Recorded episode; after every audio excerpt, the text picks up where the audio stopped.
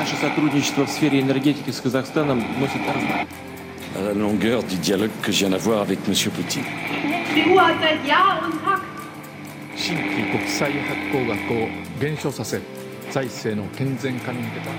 Símbolo del fascismo en Sudamérica. मगर मुझे पाकिस्तान जाना है जमहूरियत की जदोजहद I over 60 år har en lite kjent konflikt herjet i Kashmir-regionen. Pakistan og India kommer ikke til enighet om hvem Kashmir-regionen tilhører, og imens herjer indre uroligheter som geriljaangrep, hatkriminalitet og en uavhengighetskamp. En konflikt som har klart å vende folkegrupper, religioner og naboer mot hverandre, ser ikke ut til å ta slutt. Hvorfor har denne uenigheten om grenser og landområder pågått i over 60 år? Og har noen egentlig hørt med regionens befolkning om hva de ønsker? Med dype religiøse og historiske splittelser hersker det stor uenighet om fremtiden til Kashmir-regionen. Mens mange ønsker selvstendig, selvstendighet for hele regionen, ønsker andre at hele regionen skal bli innlemmet i enten Pakistan eller India. Med så dype etniske og politiske skillelinjer, hvordan skal eh, denne konflikten ta slutt? Etter at konflikten i lang tid sto stille, blusset den opp igjen i slutten av 2015. Igjen står regionen overfor protester og opptøyer fra de ulike folkegruppene. Vil de to landene India og Pakistan kunne finne en løsning som fungerer for alle parter? Eller må flere menneskeliv gå, gå tapt i denne kalde krigen? Du hører nå på utenriksmagasinet MIR på Studentradioen i Bergen. I dagens studio er Thomas Hawks og Magnus Nordahl Røtnes. Mitt navn er Fredrikka Gudnesdottir Støle, og jeg skal lede dere gjennom den neste timen, som skal handle om konflikten i Kashmir-regionen.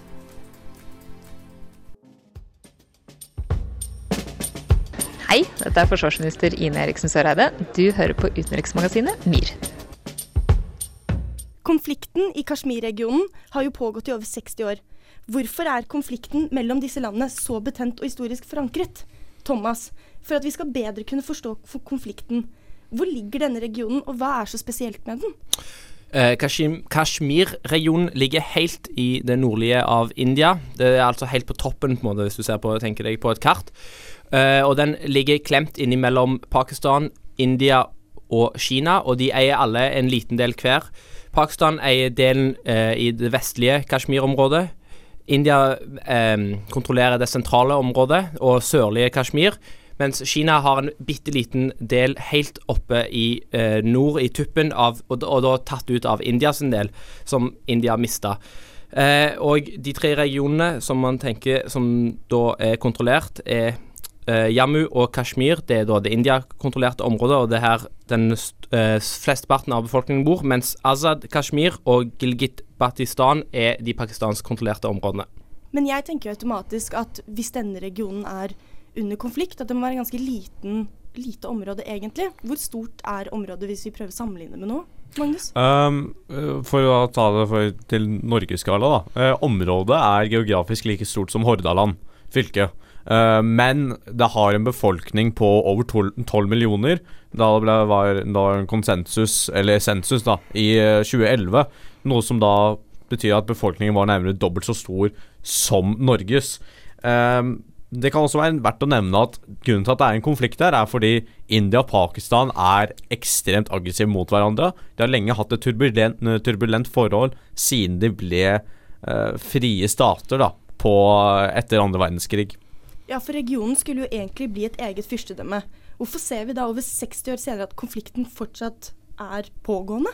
Thomas? Eh, det som skjedde rundt den delingen i 1947 av India og Pakistan, det var veldig uryddig, og det var en kamp mellom de to eh, helt nye nasjonene som kom ut av det britiske koloniempiriet, som var et sånn kjempestort India, med både Pakistan og det vi kaller Bangladesh og India i dag, eh, inkludert. Eh, når de skulle dele dette opp, så var først Kashmir tenkt som en egen, og det var styrt som en egen del, som på en måte en egen koloni, eh, separat fra India. Og i 1947 så ble, eh, ble de enige i FN om å holde en folkeavstemning hvor folk i Kashmir skulle få velge om de skulle få eh, ta del i, eller bli en del av det, det nye Pakistan eller det nye India. Men eh, når denne folke, eh, folkeavstemningen skulle bli gjennomført, så var avtalen at Pakistan skulle trekke ut alle sine styrker, mens India fikk ha en bitte liten styrke bare for å passe på sikkerheten når man stemte, og så skulle de trekke seg ut og respektere utfallet av stemmeavgivningen.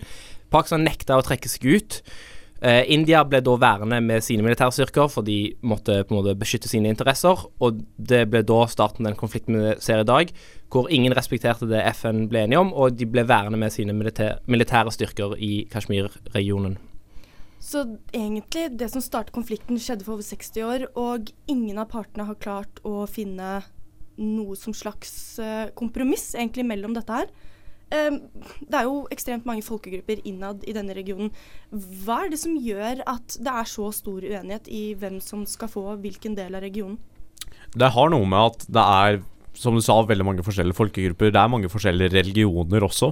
Det, hinduisme og uh, islam er de to største. Uh, for India kontrollerer da de mest befolkningsrike delene av Kashmir. Og Det betyr da også deler hvor det er overveldende hinduister, men også hvor det er et majoritet av muslimer. Og det er i disse mm, områdene da, hvor det er et muslimsk flertall at det oppstår konflikter innad i Kashmir. Fordi de ønsker å mm, sånn, bli uavhengige og ha en sånn større tilknytning til Pakistan.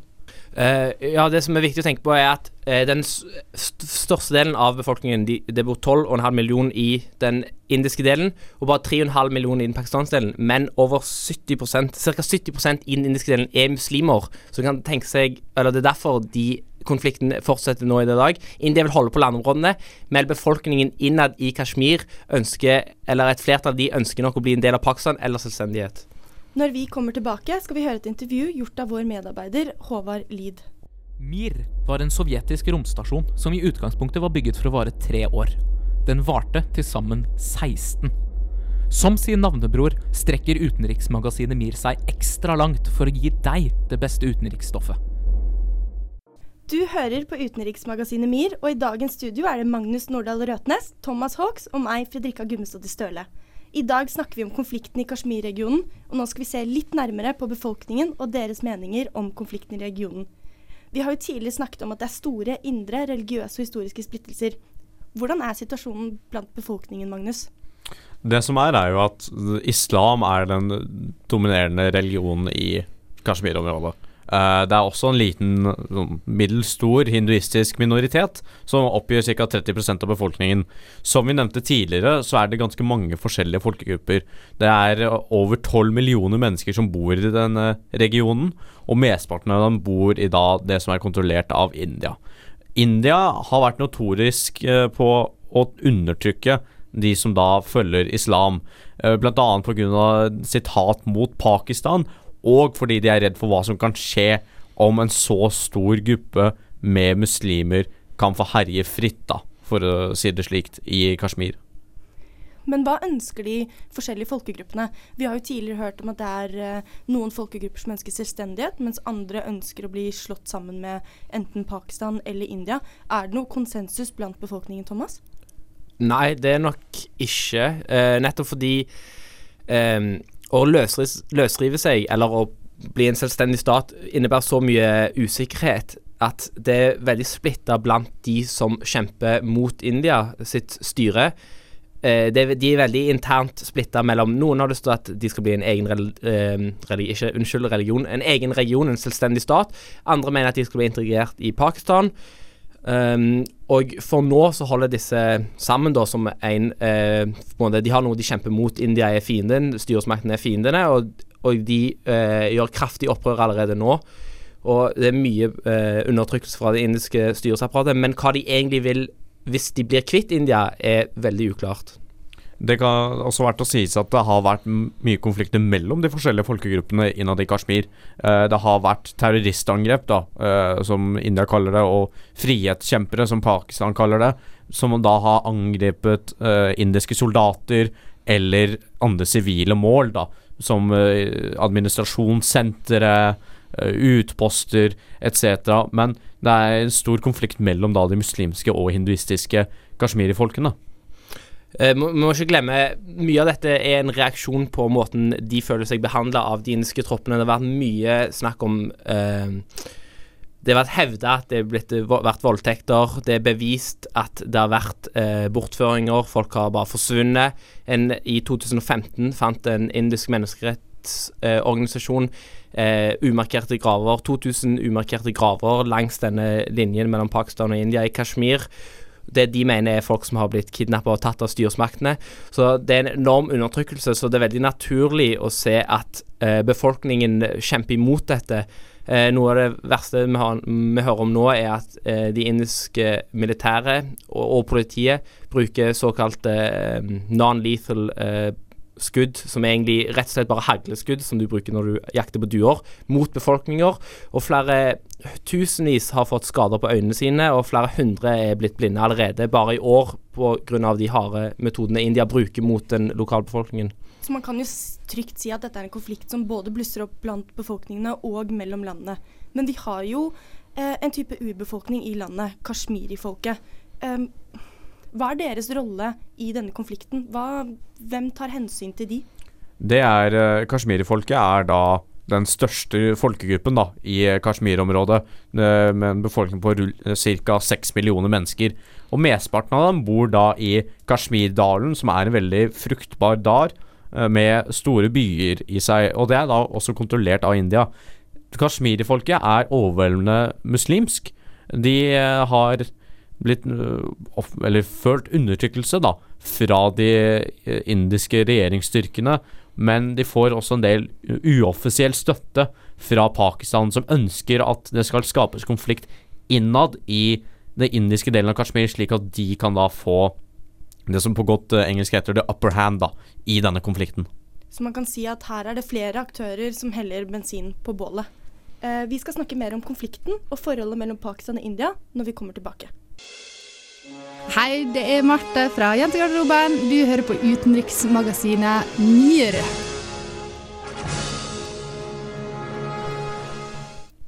I en ellers veldig glemt region foregår det en dragkamp mellom to atommakter. Pakistan og India nekter begge å komme til et kompromiss, mens ønskene og håpene til befolkningen er undertrykket.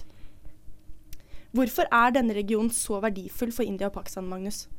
Det er noe vel bl.a. pga. den historiske verdien. Eh, det er også en del naturressurser i regionen. Det er en del mineraler som har av stor verdi. Og fordi elveløpene til de store elvene i både India og Pakistan har oppstanden sin i Kashmir-fjellene.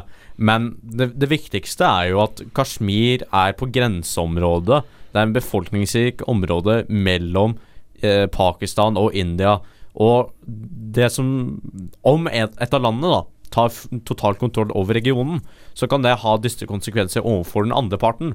Så begge landene bruker regionen egentlig som en sånn buffersone seg imellom, fordi de eh, tenker på hva som kan oppstå da om av om bare én part har total kontroll. Så man kan nesten se på det at de prøver å kapre den regionen som et forsøk på å bygge opp en slags vegg mellom disse to landene. Eh, men vi har jo tidligere snakket om at situasjonen mellom disse to landene er svært betent. Er det sånn da at denne regionen har blitt en dragkamp, hvor ingen har lyst til å tape, egentlig ikke pga. regionen, men pga. at de rett og slett har lyst til å være best? Thomas? Ja, det er akkurat det det er blitt. Det er blitt um, Regionen er blitt et offer for uh, begge landenes nasjonalisme. Uh, når de landene ble skilt, så skjedde det utrolig mye måte dramatisk og eh, fryktelig på begge sider. Flere millioner døde i den splittelsen av de landene pga. folkevandring og sånne ting. Og i eh, Kashmir-regionen så utførte hinduister, støtta av eh, styresmaktene i regionen på den tiden, en massakre på muslimer. Eh, estimater rundt 200 000 mennesker ble drept. Så det er utrolig mye dårlig historie mellom de. Og hvis eh, India nå skulle f.eks. gått ut og latt den indiske minoriteten i det landet bare være for seg sjøl, så er de redd for selvfølgelig eh, hevn over, eh, og, og nye overgrep pga. måten eh, muslimene har blitt behandla på. Så, og internt i både Pakistan og India òg, så er det en utrolig politisk eh, Egentlig det er et politisk selvmord hvis du skulle miste eh, Kashmir-regionen til motparten. Eh, vi vet jo at begge disse landene har atomvåpen. Har det noe å si for denne konflikten? Eh, Gjør det at det enten blusser opp mer, eller er det med på å hindre dette fra å bli en krig? Jeg tenker jo at uh, det er med på å sikre stabiliteten, fordi uh, ettersom at India og Pakistan begge har store arsenaler med atomvåpen, så er de redd for hva som kan skje om de uh, går ut i en fullskala krig. At det ikke bare er trefninger ved grenseområdene. For da er de veldig redde for om antall mennesker som blir drept over denne lille regionen. Så da er det bare et, at de står stille i frykt over hva som kan skje. Det er også verdt å nevne at uh, i yttergrensene av Kashmir-området, de som da er kontrollert av Pakistan, det er veldig nærme geografisk den pakistanske ho hovedstaden Islamabad. Så grunnen til at Pakistan er veldig opptatt av å kontrollere Kashmir-området, er fordi de vil ikke at India skal kunne være så nærme hovedstaden sin. Så vet vi jo også at Kina, som er eh, tredjeparten i denne konflikten, men som egentlig ikke har vært med på det, de har jo også atomvåpen. Så spørsmålet her er jo, eh, har det noe å si? Tror dere Kina kommer til å blande, inn, blande seg inn i den konflikten her? Um, for nå så virker konflikten veldig fryst nettopp pga. disse atomvåpnene, og nettopp fordi Kina holder på med så mye annet, kan man si, i, i sørøst-Kina-havet, eh, hvor de ekspanderer. De har blitt stilt for menneskerett av mange forskjellige land pga. sin overtakelse av eh, øyer og sånn som, de mener, som mange mener de ikke har rett på. Så hvis Kina skulle begynt å måtte, rote borti to kjempestormakter som India og Pakistan, så eh, vil du kanskje si at de har på en måte strukket seg litt for langt da, i det storpolitiske spillet. Mens mellom India og Pakistan så har eh, jeg er helt enig med Magnus at det har eh, gjort konflikten eh, mindre betent enn den var, nettopp fordi risikoen er så stor. Men det er skummelt å se at i begge landene så er politikerne, og spesielt media, blitt mye mer eh, på en måte pro-krig, mye mer anti eh, anti-Pakistan, anti-India i de respektive landene.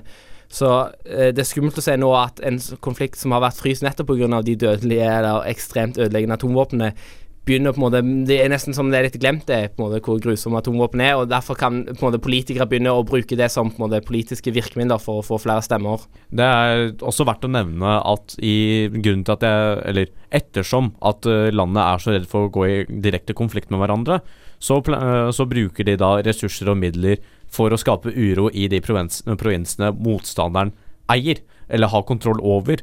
Altså Pakistan støtter eh, noen opprørsgrupper innad i Kashmir-området og gir da ressurser i form av eventuelt våpen og penger til eh, kashmiri-folket, som gjør opprør i regionen. Når vi kommer tilbake, skal vi se nærmere på om denne konflikten kan løses, eller om det blir nye 60 år med okkupasjon og undertrykkelse. Mitt navn er Jørgen. Jeg kommer fra Banalpolitikk. Og du hører på utenriksmagasinet MIR. Velkommen tilbake til utenriksmagasinet MIR her på Studentradioen i Bergen. Med meg her i dag har jeg Magnus og Thomas. Mitt navn er Fredrikka. Som vi har snakket om tidligere, så blusset jo denne konflikten her opp i slutten av 2015, midten av 2016. Hva er statusen i dag, Magnus? Det som har skjedd, har jo vært at det har vært uh, flere opprør, det har vært uh, opptøyer. Uh, vi har fått litt lite informasjon om hva som skjer akkurat nå, men om vi skal basere oss på det som da skjedde tidligere i sommer, så er, tenker jeg at konflikten eskalerer. At det er mer opptøyer og det er mer uro innad i provinsen. Og da spesielt, som jeg nevnte tidligere i sendingen, i Kashmirdalen hvor det er en overveldende muslimsk befolkning som da gjør opprør mot de indiske militærstyrkene. Det som er blitt et problem nå, eh, når eh, en stat undertrykker et folk, eh, og dette er på en måte et problem verden over uansett hvor vi eh, er at pga. teknologiske framskritt som mobiltelefoner, spesielt smarttelefoner, Facebook, Instagram Alt kan deles, og alt, eh, hver eneste gang noen på en måte blir banka opp av soldater eller eh, opprøret blir skutt på, så blir det fanga opp på eh, kamera, og det blir spredd i massemedier.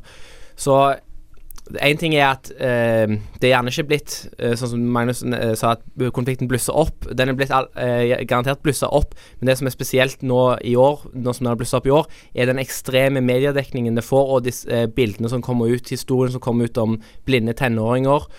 Um, så det blir, det blir, vanskeligere og vanskeligere for India å forsvare sin brutale undertrykkelse av lokalbefolkningen. Så man kan si at uh, alle aktører igjen heller bensin på bålet, men at pga. sosiale medier og nyhetsdekningen så har kanskje situasjonen igjen eskalert litt mer. Mm, absolutt. Men ser vi at vi er på vei mot krig, eller er en løsning nær her, Magnus? Jeg tviler på at det vil bli så alvorlig som en krig, da. Men det er jo tydelig at det er opprørsgrupper som ønsker å gjøre et større opprør mot India. For vi ser jo at når det er opptøyer i eh, Kashmir, så blir de indiske myndighetene mer brutale. Og da blir jo det egentlig bare en ond spiral, da, som da skaper mer og mer og mer konflikt. Noe som igjen gjør at disse opprørsgruppene får mer støtte i befolkningen. Så det kan hende at det blir fullskala opprørskrig mot India, men jeg tviler på at det kommer til å skje med det første. Eh, sånn som du var inne på tidligere, Magnus. Eh, et stort problem for indiske staten, og på en måte et av måte forsvarene vi kan bruke for den indiske staten, at de på en måte trenger å slå så hardt ned, er at Pakistan bruker eh, en taktikk med å sende inn på en måte det som ser ut som vanlige folk, men de er trente spesial på en måte geriljaterrorister. De er trente i Pakistan i terroristleirer, som blir sendt over grensen. Og pakistanske staten enten eh, snur et blindt øye til, eller aktivt hjelper. Så blant på en måte eh, de fredelige eh, opprørerne er det òg spesialtrente terrorister som angriper indiske mål, indiske soldater. Og det gjør at den indiske den indiske på en måte, De kan ikke bare på en måte være strengt politi, de må faktisk sette inn militærstyrker for, fordi Pakistan bruker denne taktikken, som også er kjent fra Afghanistan, hvor de sendte terrorister over grensen til Afghanistan for å slåss mot den amerikanske invasjonen. Det kan jo også Grunnen til i alle fall, at Pakistan gjør dette, er jo som vi nevnte tidligere pga. atomvåpen og frykten for en atomvåpenkrig. Så konsekvensene konsekvensen av dette blir jo trolig ikke at det blir en direkte krig mellom uh, India og Pakistan, men heller at begge landene støtter da opprørsgrupper i de motsattes områder, da. Kommer vi til å se en økning i geriljakrigføring og terrorisme? Kan dette bli en lovløs region hvor terrorisme hersker? Det er jo det som er frykten, og det er jo det som er argumentet til den indiske hæren. At uh, vi må ha 500 000 soldater der. Vi må slå hardt, så hardt uh, ned. Fordi ellers så blir det en på en måte muslimsk terrorbase hvor det er lovløshet. Eh, det er allerede, vi ser allerede graffiti i Kashmirdalen som er på en måte pro-ISIS-propaganda. Og frykten er jo at på en måte, denne ekstre, ekstremist eh, på en måte, global, globale terrorister kan finne en sånn trygg havn i et lovløst Kashmir. Det kan også være verdt å nevne hvordan Kina stiller seg til dette. For, for øyeblikket så sitter de tilbake med kortene tett inntil brystet. Men om det blir en fullskala opprør i Kashmir, så kan det hende at de vil da rykke lengre inn i området og ta til seg Ta mer kontroll, da. Og si at vi har kommet for å hjelpe deg med frigjøring eventuelt, men da i realiteten ta over den her kontrollen av området fra India og fra Pakistan. Og problemet som Pakistan og India vil stå overfor, er jo at da vil Kina ha kontroll over de store eh, sånn, el, hvor el, de store elvene i India og Pakistan blir eh, sånn Starter, da, egentlig. Når vi kommer tilbake, så skal vi høre ukens kommentar, spilt inn av vår medarbeider Daniel Gangeskar. For instance, there are prejudices about the age at which people can begin a new career. I will not make age an issue of this campaign. I am not going to exploit, for political purposes, my opponent's youth and inexperience. Det er aldri for sent å lære noe nytt. Utenriksmagasinet MIR hører du mellom 11 og 12 hver fredag på Studentradioen i Bergen. I hjertet til konflikter om Kashmir-regionen ligger usikkerheten om vassmangel for to nasjoner som begge har en ekstremt hurtigvoksende populasjon. Elva Indus renner gjennom Pakistan, India og Kina, men har store deler av sitt utløp i nettopp Kashmir-regionen, i det som blir kalla for Indusdalen. Induselva er 3200 km lang og ei viktig brikke i det som er den strategiske kampen mellom India og Pakistan. Hvem kontrollerer Kashmir-regionen, vil òg få betydning på hvem som kontrollerer Kashmir-regionens vannressurser. Elva Indus deler seg inn i fem mindre elver, som begge igjen har en betydelig rekkevidde. For noen år siden ble det lansert et forslag internasjonalt, der India og Pakistan skulle dele elva og dets ressurser mellom seg.